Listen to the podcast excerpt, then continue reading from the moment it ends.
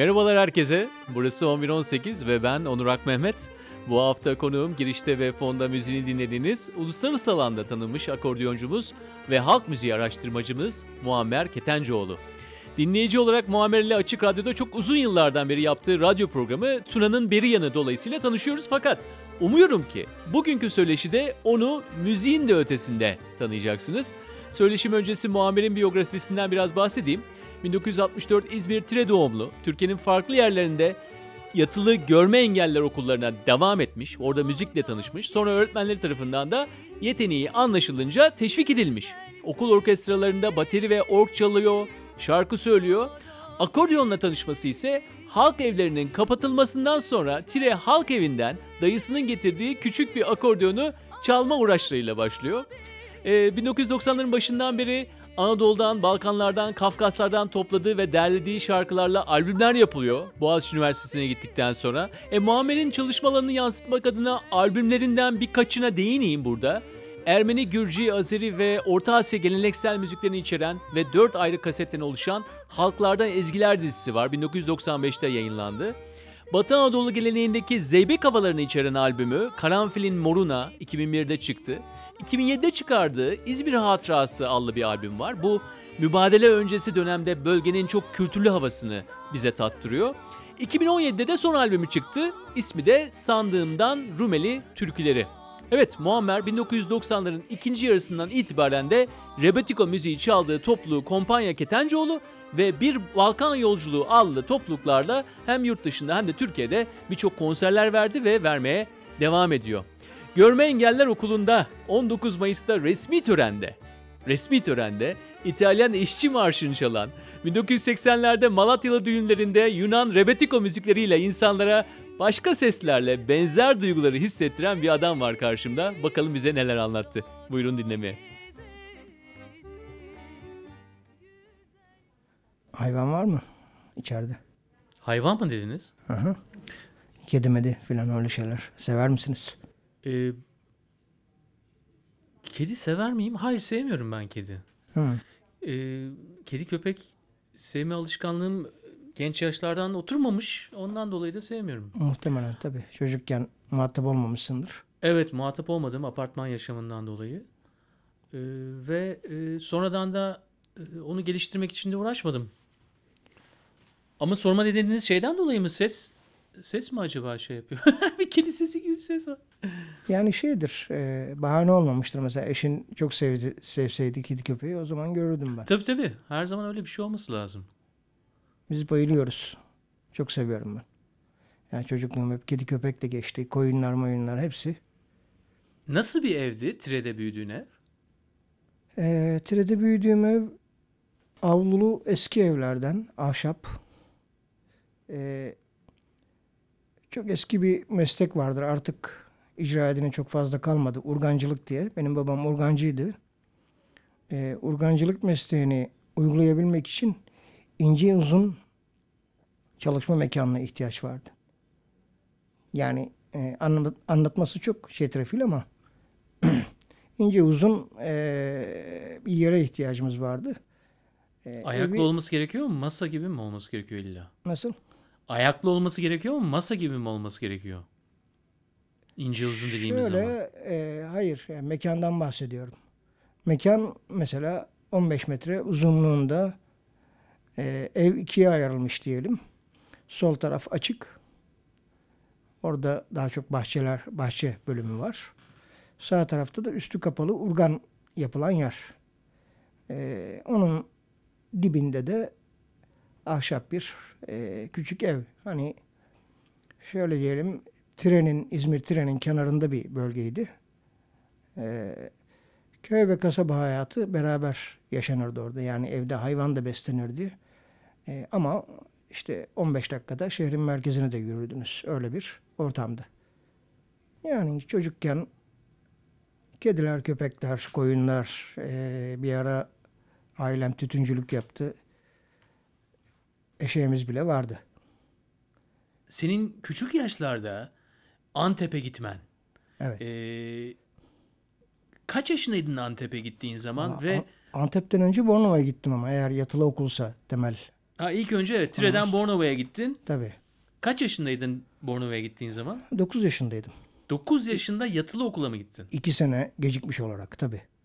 Çünkü e, Birinci sınıfa o zaman 9 yaşında başladın. aslında 7 yaşında başlamam gerekiyordu. Ankara Körler Okulu'na gittim fakat e, uyum sorunlarım oldu. Yani uyum gösteremeyeceğimi e, hissettim. Geri geldim.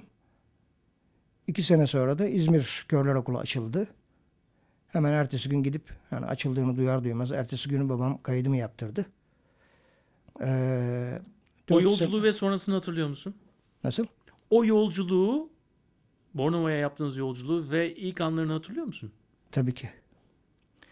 Ee, evde el bebek, gül bebek tabii büyütüldüm o yaşa kadar. Yani görmeyen çocuklarla veya insanlarla da pek karşılaşmadım o güne kadar. İşte herkes birbirine adın ne diye şey yapıyor, iletişim kuruyor. Ee, birbirine dokunarak iletişim kuruyor. İşte kalabalık bir ortam. Tabii annem yok, babam yok, ablam yok. Ee, tabii yani travmatikti ama bir süre sonra kesinlikle alıştım onu söyleyebilirim. Bir de e, bir süre sonra müzik zaten hayatımın merkezine yerleştiği için ilkokulda e, beni fazlasıyla oyalayan, mutlu eden bir e, hayatımın bir parçası olarak her zaman devredeydi. E, diğer derslerim de iyiydi. E, iyi bir öğrenci oldum. Üçüncülükte mezun oldum. İzmir valisi de bir saat taktı bana o zaman. 1977'de mezun oldum. Ve genel olarak tabii Antep'e geçeceğim ama e, yatılı okulun özellikle engelli insanlar için ya da belki her bütün çocuklar için belki de çok faydalı olduğunu düşünüyorum.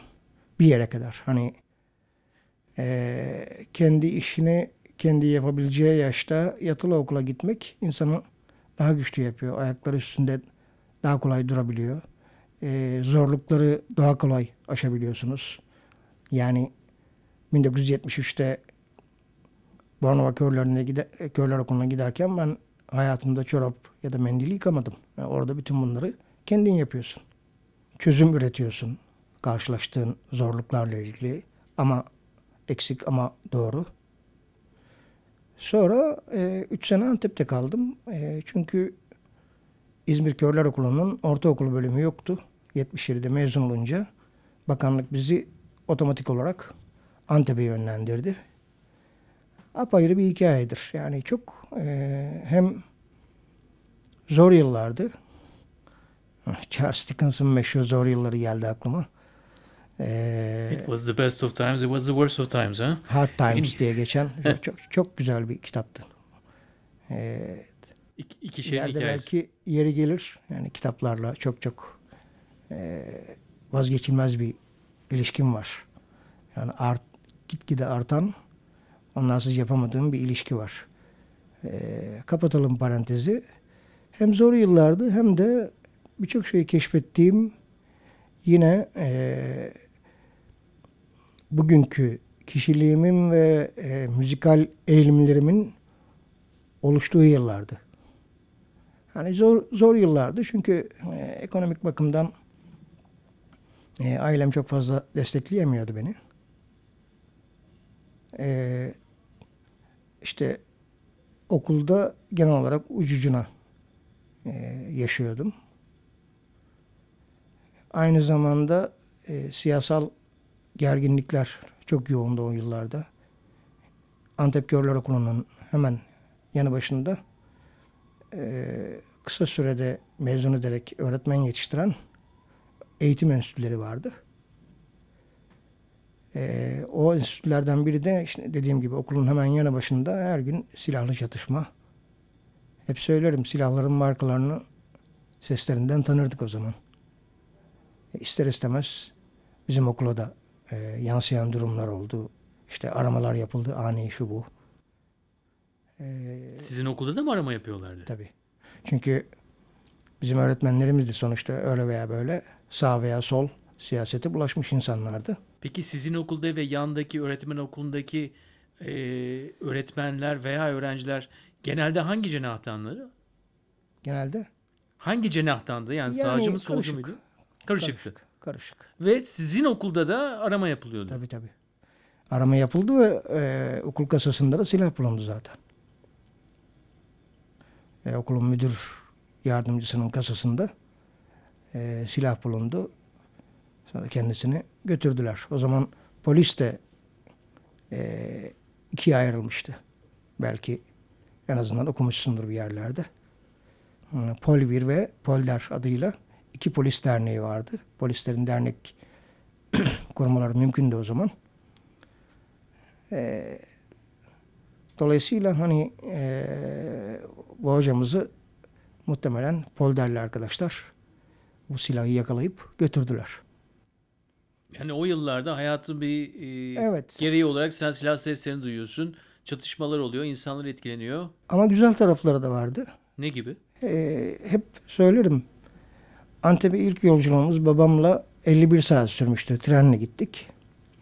Trende ilk kez ben, tabii o zaman adını koyamadım, sonradan koyduk. Ee, Denk 5 müziğini ilk kez o trende dinledim. Dinleyiciler için ne olduğunu söyler misin onun? E, denkmejler Kürt aşıklar diyebiliriz. Gezgin e, ozanlar diyebiliriz. Belki trendeki öyle bir insan değildi ama e, zaman nasıl geçecek? E, asılıyordu bir uzun hava. Yani 10 dakika 20 dakika sürüyordu. Çok ilginç geliyordu bana. Hani batılı cici Ege çocuğu olarak e, dünyanın Ege'den ibaret olmadığını, başka diller konuşulduğunu, işte başka e, başka tarz melodilerde insanların şarkı türkü söylediğini daha Antep'e ayak basmadan yani iş, şey olarak e, gizli olarak keşfetmiş oldum. Peki Kürtçe miydi? Kürtçeydi tabii. İlk kez mi Kürtçe duyuyordun? Evet. Çünkü Ege'de öyle bir şey duymama imkan yoktu. Hatta 3 sene boyunca e, Irak Kürt Radyosu'nu falan dinlerdik. 7'den 8'e kadar istekler olurdu. E, onları dinlerdik. Ya, okulda da e, Kürtçe konuşan, da Kürtçe türküler söyleyen arkadaşlar olurdu. Hani bu, bu, bu keşifler çok anlamlıydı benim için. Bir de az önce kişiliğimi belirlemede temel yıllar oldu demiştim. Ee, benim için çok değerli bir öğretmenim vardı. Belki röportajlardan da okumuşsundur. Ee, Naim Çavuş diye bir öğretmenim oldu. Üç sene boyunca hep e, beraber e, birlikte olduk onunla. O da beni çok sevdi. Ben de onu çok sevdim. Böyle e, kişilik anlamında örnek aldığım e, ilk insan oldu o. İşte konuşmasıyla, seçtiği sözcüklerle, e, aynı zamanda müzisyenliğiyle, nöbetçi olduğu günler yaptığımız piyano başı sohbetleriyle. Örneğin ilk kez Mikis Theodorakis ismini ben ondan duydum. O zaman e, yıl 1977-78 e, Theodorakis Komünist Parti'den milletvekili. E, şarkılarını ilk kez Naim Hoca çaldı bana. Çünkü kendisi İskeçe doğumlu. E, zaten derse girdiği zaman da ilk söylediği şey benim adım Naim Çavuş. İşte 1942'de İskeçe'de doğdum cümleleri olmuştur.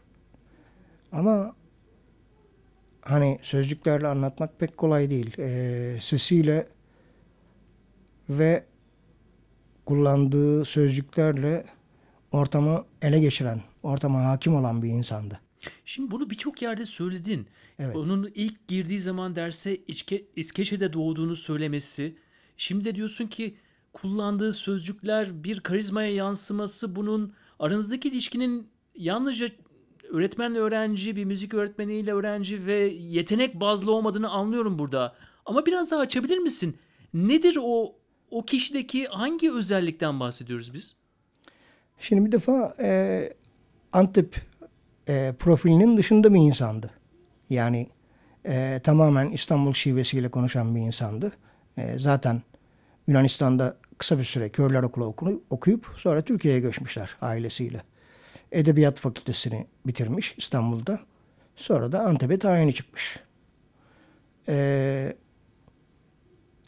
kendime tabii bir taraftan da bir e, kökü İzmir'deydi. Kendime bir yakınlık duydum. Yani e, İzmir'le bir bağlantısı olduğu için. Ama onun dışında e, yani anlatması pek de kolay değil ama e, fetheden bir insandı. Zaten fethettiğini hissettiğim için o benim idolüm oldu o zaman. E, öğretmen öğrenci ilişkisinin azıcık dışındaydı bizim ilişkimiz. Çünkü İngilizce dersime de kendisi geliyordu. İşte laboratuvarda zaman zaman zaman beraber İngilizce çalışıyorduk. Zaman zaman işte e, piyano dersime de o geldi. Hani başlarda klasik müzik e, öğrendim piyanoda fakat e, o yaştaki bir çocuk için e, bir de temeli yoksa çok da e, sevimli gelmiyordu bana açıkçası.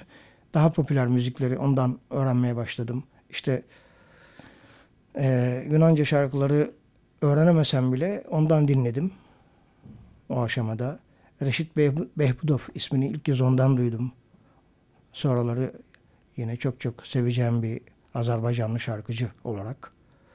Ee, yine son 5-10 senedir meşhur olan, işte 10-15 senedir meşhur olan birçok eski tangoyu ondan duydum. Ondan öğrendim. Ee, daha sonraki yıllarda hep o ondan öğrendiğim malzemeleri işte düğün salonlarında filan da çalıştığım için bol bol e, kullandım. Bana malzeme oldular. Yani çok gönlü bir insandı. Hem e, dil bakımından e, kullandığı dille insanı e, sarıp sarmalayan bir insandı. Hem de müzik birikimi bakımından son derece e, birikimli bir insandı. İstanbul'da kulüplerde çalışmış. E, işte Büyükada'da Rum arkadaşları olan. E, belki yani şimdi düşünüyorum bunu. Hani Antep'te bir sığınak gibi gelmişti bana bir taraftan. Hani Antep'in diğer taraflarıyla tabii hep iletişim kurdum. Ee, sokakların kokusunu hatırlarım. İşte ee, hatta Maraşotu diye bir şey var. Bilir misiniz bilmiyorum. Kafa mı yapıyor? Ma- Maraşotu hı, orada keşfettim. Antep'te keşfettim. Dilinin altına koyarsın. Hafif çok hafif böyle kafayı bulursun filan. Hani çok boyutlu yıllardı Antep yılları. Hani bir taraftan da hep söylerim bana kızarlar. Ee, Antep kebabını e, daha sonra yıllar sonra ben e, yedim. Çünkü o, o, o günlerde pek öyle bir imkan olmazdı. Bir de yani Kemalettin Tuğcu hikayeleri gibi gelmesin. Tamamen gerçek bir hikaye. Ee, öğretmenlerimiz tabii nöbetleşe okulda kalırlardı bizi kollamak için. Nöbetçi öğretmen sistemi vardı. He biz bildiğiniz işte mercimek, makarna, şurun filan talim ederiz. Sonra e, nöbetçi öğretmen okulda nasıl vakit geçirecek? 7'den sonra rakılar açılır. Lahmacunlar gelir. Okulu buram buram lahmacun kokar. Ee, bu da benim için zor taraflarından biriydi. O oradaki yıllardan aklıma kalan, aklımda kalan. Kemalettin Tuğcu deyince evet biraz düşündüm şimdi. ne gelecek diye ama lahmacun kokusunun geleceğini düşünmedim. Yani tabii şimdi hani eee, yoksul çocuk işte eee, hikayeleri çoktur onun kitaplarında biliyorsun. evet. Peki abi seni şimdi 80'lere götürsen biraz, biraz zaman tüneline girdik gibi Evet. kronolojik olarak devam ediyoruz. Ee, orada yani düğün salonları dedin, popüler de müzik yapıyorsun.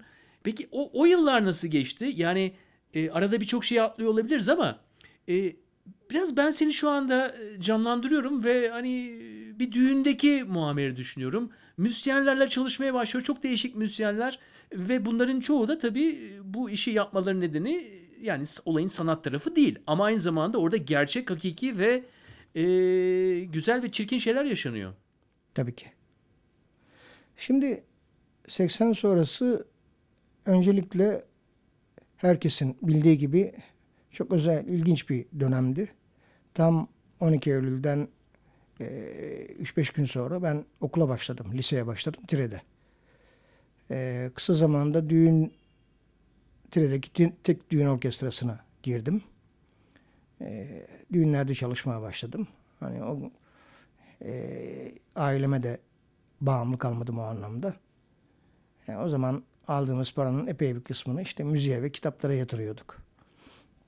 Ee, aslında ikili bir ilerlemeyle devam etti benim hayatım. Bir yandan düğün müziği çaldım. Bunun eee, sosyolojik anlamlarını şunu bunu çok da fazla düşünmeden, düşünme şansım yoktu. Zaten öyle bir bilincim de yoktu o, o yıllarda. Yani bir takım konulara sempati duymakla birlikte 17-18 yaşında bir e, genç sonuçta.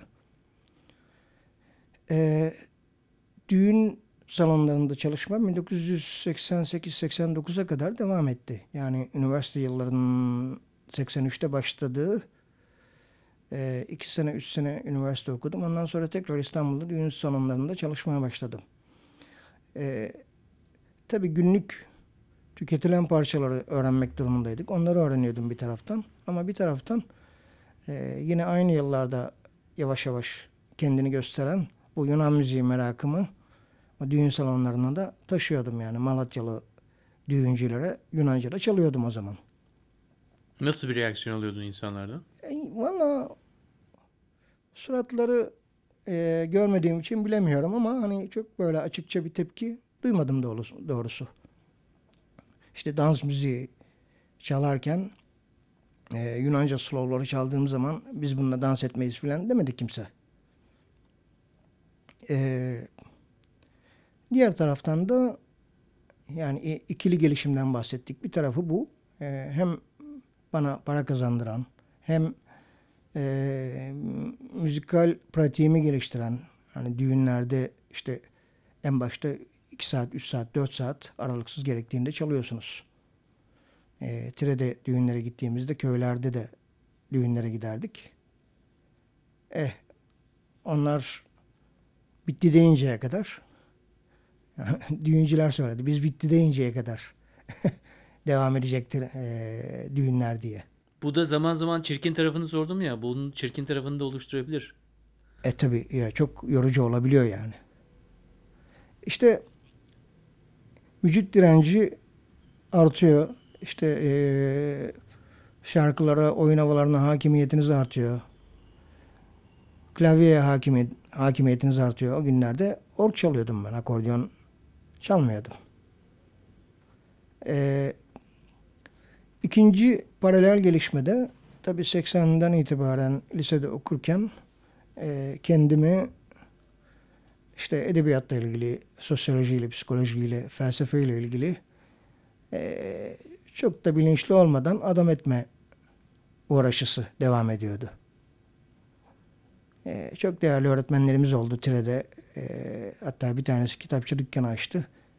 Bizim e, düğün paraları genellikle Hamdullah Hoca'ya gidiyordu. Hamdullah Köseoğlu burada saygıyla, sevgiyle anlıyorum. Ee, kendisinin özellikle çocuk edebiyatı ile ilgili ürettiği epey bir kitap vardır. Peki senin politik kimliğinin oluşması özellikle o yıllar mı aldığın kitaplar ve onlardan etkilenmen mi ya aynı zamanda e, kişiler de var mı? Ee, şöyle bir defa 80 öncesi bilinçli olmayan bir sempati hep vardı. Yani zaten e, o yılların atmosferi bunu gerektiriyordu. Öyle veya böyle bilinçli veya bilinçsiz e, bir harekettendiniz yani. Belli bir yaşı geçtikten sonra. E, üniversite, şey, liseye başladıktan sonra da e, doğrusu e, özellikle ikinci yıl bir öğretmenimle birbirimizi bulduk. Ondan sonra daha da e, aktif bir çalışma içine girdim. Yani 200 sene aktif olarak e, çalıştım o yıllarda. Ha, ondan sonra e, tabii ki her zaman bu temel işte e, özgürlük düşüncesi olsun, insan hakları düşüncesi olsun, e, ulusçuluğun reddedilmesi düşüncesi olsun. Bunlar hiçbir zaman değişmedi ama e, parti disiplini ya da örgüt disiplini çok bana uymadı. Bir süre sonra e, bağımsız olarak kendi duruşumu e, üretmeye başladım. Yavaş yavaş, aşama aşama. E, bu e, tabii kolay değildi yani 80 sonrasında e, yalnızlaşma, politik baskılar, aynı zamanda da e, disiplin konusundaki daha doğrusu e, hani politik disiplini şey yapamadım yani özümseyemedim hiçbir zaman. Bütün bunlar bir ara bir değer sorunu yarattı bende. Yani değerlerimi yitirdim. Çünkü 80 darbesi bütün sola çok büyük darbe vurdu. Sonra aşama aşama e, okuduklarım, çevremdeki insanlar vasıtasıyla tabii müziğin de gücüyle çünkü farklı farklı müzik geleneklerini araştırmaya başladım 80'li yılların ortasından itibaren. Bizim bu Boğaziçi Üniversitesi'ndeki e, sesli yani ses arşivi sayesinde Robert Kolej'den kalma bir arşivdi bu.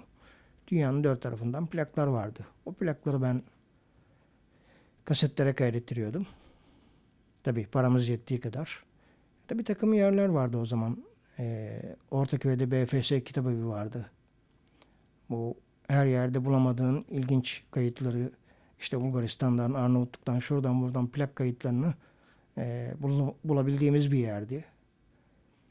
E, hani müzik de aslında bugün politik duruşumun e, oluşmasında e, yaşadığım müzik, müzik macerası, müzik, müzik arayışı e, çok yardımcı oldu. Çünkü her müzikte bir şey buldum. E, tek bir müziğe saplan, saplanıp kalmamayı öğrendim. E, bu da tek bir tip, e, tek bir insan tipine işte düşünceye yapısıyla, konuşmasıyla, e, sosyal davranışlarıyla e, tek bir düşünce tipine sahip olan işte atıyorum Laz olsun, Gürcü olsun, e, Rum olsun, Ermeni olsun hiçbirine e, saplantılı bir şekilde takılmamayı öğrendim. Hepsinden ayrı zevkler almayı öğrendim. Ve tabii çok detaya gir- girmemekle birlikte bu bütün bu çevre halkların işte Balkanlar olsun, Kafkasya olsun, e, sonradan Orta Asya Türkiye müzikleri olsun. E, bütün, bütün bunları kabahatlarıyla keşfettim.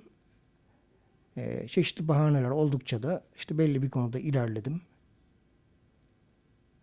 E, ve yeni baştan bu defa müzik üzerinden, sanat üzerinden kaçınılmaz bir e, politik duruş ortaya çıktı. Yani bugünkü e, duruşumda e, müzik artı politikadır. Politika artı müzik değildir kesinlikle. Τα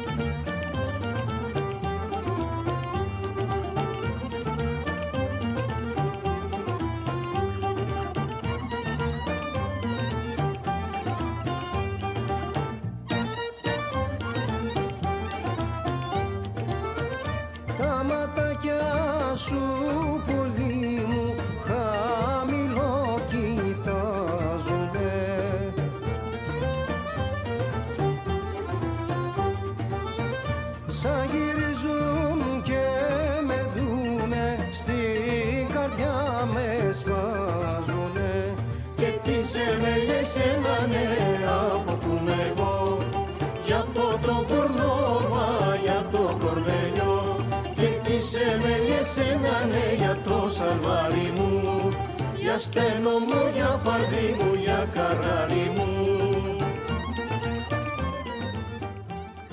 Sen Yunanca bilmiyorsun Hayır.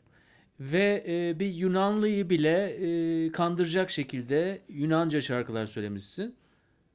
Nedir buradaki sır? Yani buradaki sır tamamen tutku, sevmek, yani bu şarkıları içinde hissetmek, e, aynı zamanda da belli bir sistemle, belli bir disiplinle çalışmak. Nasıl? İşte söylemek istediğim şarkının sözlerini e, yani göreceli olarak daha kıttı imkanlar o zaman tabii. İşte Boğaziçi Üniversitesi'ndeki Batı Trakyalı arkadaşlardan ya da İstanbul Rum e, İstanbullu Rum arkadaşlarımdan yardım alarak deşifre ediyorduk sözleri. Sonra ben onları Braille sistemine aktarıyordum. Oturup ezberliyordum. Ve tabii gençken dima çok e, taze oluyor. Çok kolay öğreniyorsunuz. Hele istiyorsanız çok kısa zamanda ezberleyip e, öğreniyorsunuz. Sonuçta benim aynı zamanda e, çalmam da gerektiği için şarkı söylerken e, okuma şansım yok. Hani ellerim boş olsa şarkı söylerken işte okuyabilirim.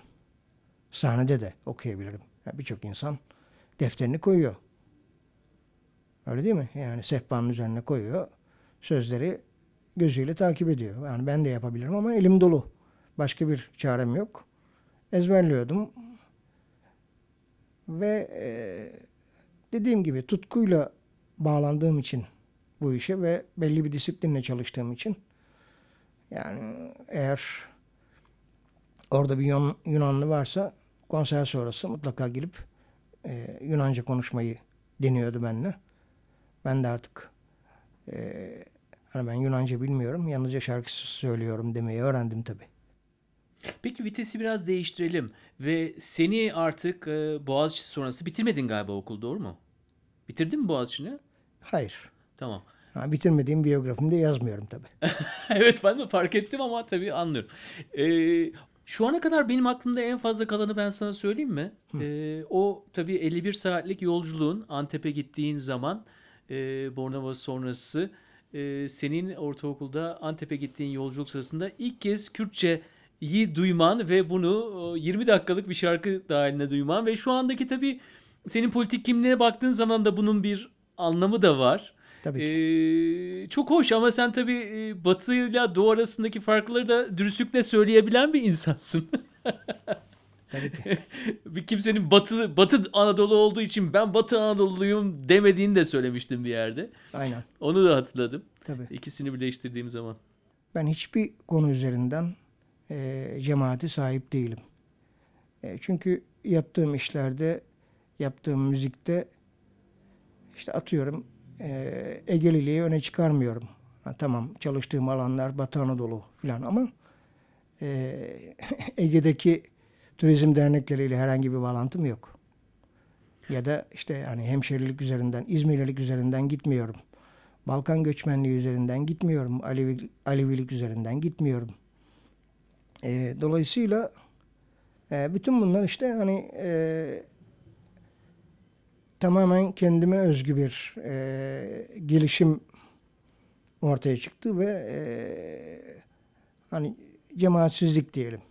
Peki bu yalnızlık mı abi? Yani sen cemaatsizlik diyorsun. Buraya gelen birçok kişi Biraz e, yalnızlık tabii. Yalnızlık yani değil mi? Biraz Şimdi yalnızlık. mesela yani hepimiz bireyiz. Birçok yönden kendimizi birleş, e, geliştiriyoruz.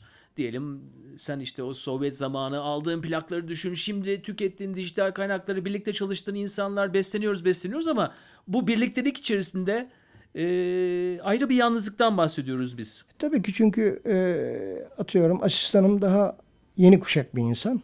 Çok çok iyi bir, çok e, kafalarımızın iyi uyuştuğu biri ama müzisyen değil. Yani ya da e, benim zevk aldığım müziklerle çok direkt bir şeyi yok, bağlantısı yok.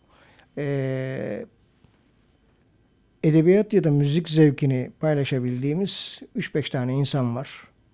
E, onlarla paylaşıyoruz, muhabbetimizi yapıyoruz. Galiba biraz da dünya bu yani. Ee, kuru kalabalığında bir şeyi yok. Hayatımızda bir anlamı yok bana sorarsan. Peki dayının halk evlerinden kaçırdığı ilk akordeonla başlamışsın akordiyona doğru mu? Evet doğrudur. Şimdi akordeon Tirekent Müzesi'nde duruyor. Benim köşemde. Ve e, kısaca o hikayeyi anlatır mısın? Nasıl kaçırdı o akordiyonu halk evlerinden? Yani nasıl kaçırdığının hikayesini detaylı anlatmadı bana e, dayım ne yazık ki. Fakat e, 1951'de işte halk evlerinin kapatılacağı haberi yayılınca kapandı elinde kalmış. Her yerde yani yalnız Tire'de değil. Herkes bir şeyleri almış götürmüş evine. E, o Bir tür bir mini rejim değişikliği. Yani 89'da duvar indikten sonra sen gidip mesela e, devlet malını alıp götürebiliyorsun değil mi? Burada A- da aynen. ha, Aynen. Ee, o alet 22 sene 23 sene beklemiş. hiç ama kendisi çalıyordu aleti. Kendisi akordeon az çalıyordu. Asıl çalgısı trompetti. Ee, çocukken bana önce bir trompet getirdi. Küçük bir bando trompeti. Arkasından bir davul takımı, davul seti, bateri. Ee, pek bilinmez. İlkokulda ben orkestrada aynı zamanda bateri de çaldım. Ee, Phil Collins gibi e, bateri çalıp şarkı söylerdim orkestrada. Mikrofon sehpaları o zaman dümdüz şuraya ayağımın arasına koyardım. Mikrofon şöyle yukarı doğru çıkar. Hem çalar hem söylersin. Ve e, 1973-74 o yıllarda tütün tarlasına çıkardı getirdi bu akordiyonu dayım. Sonra ben kendi kendime biraz başladım. E, hav hav benim cici köpeğim filan. Tesadüfi buldum, bulduğum akorlarla. E, çünkü temel filan attırılmadı bana yani. Dayım da çok göstermedi.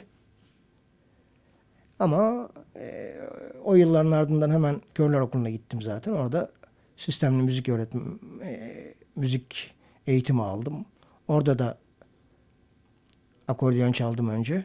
Peki o akordeon seninle birlikte gitti mi Yok o e, evde durdu uzun süre. Sonra e, dayım vefat edince oğlu aldı. Tabii babasından yadigar olarak. E, ama aradan yıllar geçti. Kent Müzesi işte benim için bir köşe yapma karar verdiği zaman ben dayımla ondan rica ettim. Dedim ben kendime istemiyorum. Oraya eğer mümkünse koyalım.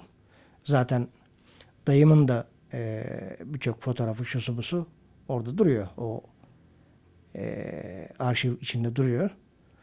Dolayısıyla e, o akordeon oraya yerleşti. Çok da mutluyum yani onu orada bir şekilde e, sergilediğim için, sergilendiği için. Bu bir hikaye programı.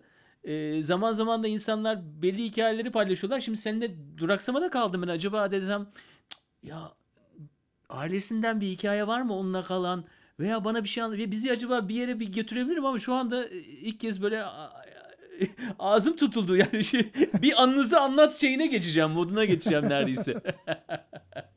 Bu kadar hikayeler olan bir adama ne sorarım diye. Evet. Şimdi ne diyelim aslında hepimizin çok hikayesi var. Bu hikayeleri e, sohbet, işte insanın ruh durumu, e, çağrışımları birçok şey belirliyor. Hani üç sene sonra diyorsun ki ya ben şu söyleşide keşke şunu da söyle, söyle söyleseydim.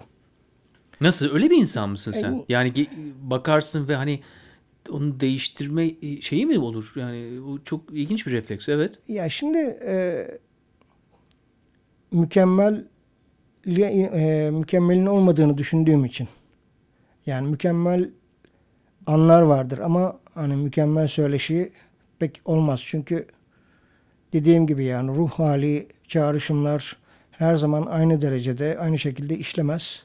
Bazen daha tutuk olursun, bazen daha işlek olur kafa.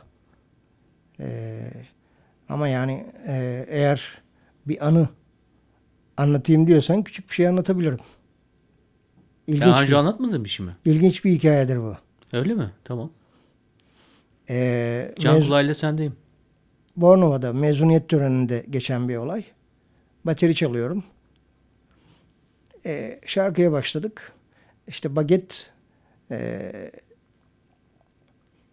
Sol tarafta, sol elde e, iki parmak ve baş ma- işaret parmağı, orta parmak ve baş, baş parmak arasına konur baget şöyle.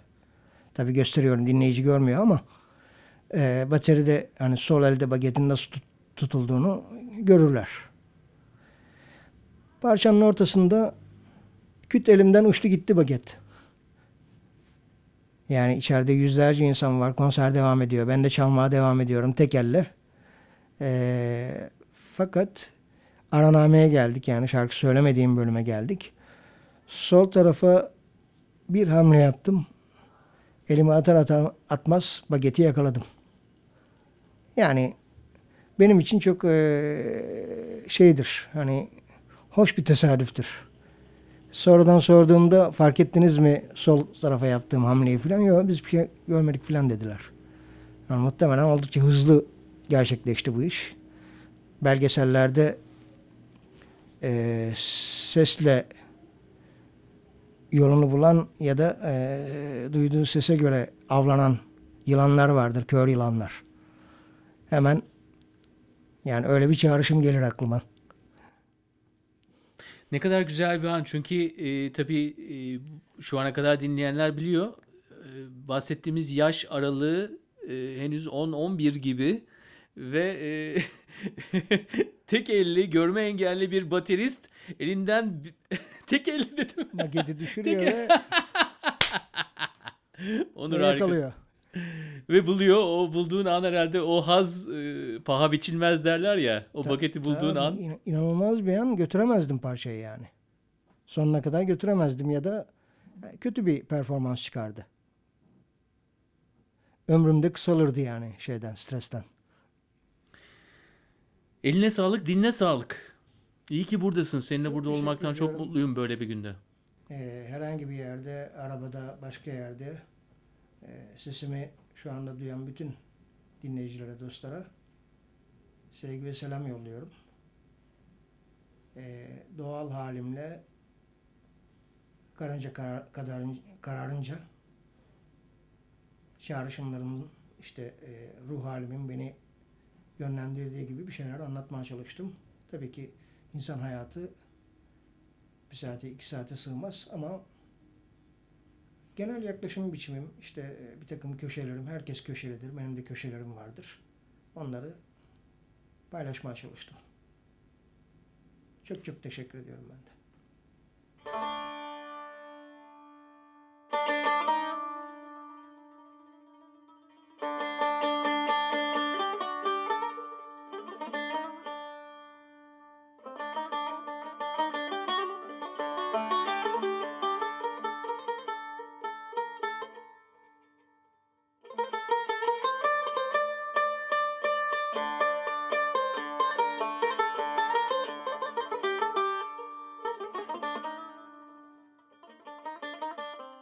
Söyleşi sonrası kaydı tekrar dinledim. Şunu fark ettim. Söyleşimiz boyunca Muammer Ketencoğlu'nun rahatlığı, doğallığı ve o sözünü sakınmaz şakacılığı var ya bana da tesir etmiş. Biraz önce dediği gibi mükemmel bir söyleşi yok. Her zaman bir taraf eksik kalıyor ve bir insanı her yönüyle tanımakta e, mümkün değil. Bu konuda haklı ama bizi sürekli dinleyenler şunu biliyor. 11-18 söyleşilerinde varmaya çalıştığımız nokta da bu zaten. Mükemmelliğin olmaması, anda olarak ve insanın ritmine sadık kalarak yapılanın tadının bir başka olduğunu düşünüyoruz. Evet, Muammer'in radyo programlarına nereden ulaşacaksınız? Açık Radyo Podcast arşivinden 2000 sonrası albümlerine de Spotify üzerinden ulaşılabilir. Ha Spotify demişken tüm podcastlerimizi de Spotify üzerinden dinleyebilirsiniz. 11-18'cilerle bir paylaşım daha yapmak istiyorum. İnsanların sahnede canlı olarak gerçek hikayelerini paylaştıkları ve son bir senedir düzenlediğimiz Anlat Hikayeni gecelerinde sezon finaline adım adım yaklaşıyoruz. İki hafta sonra Cuma akşamı en iyi anlatıcıların yepyeni hikayeleriyle yer alacağı final akşamımız var. Sezon sonunu beraber kutlamak için hepinizi oraya bekliyorum. Anlatmayı ve dinlemeyi seven tüm 11-18'ciler de bence bundan çok keyif alacaklar. Haftaya da yeni bir podcastle burada görüşmek üzere.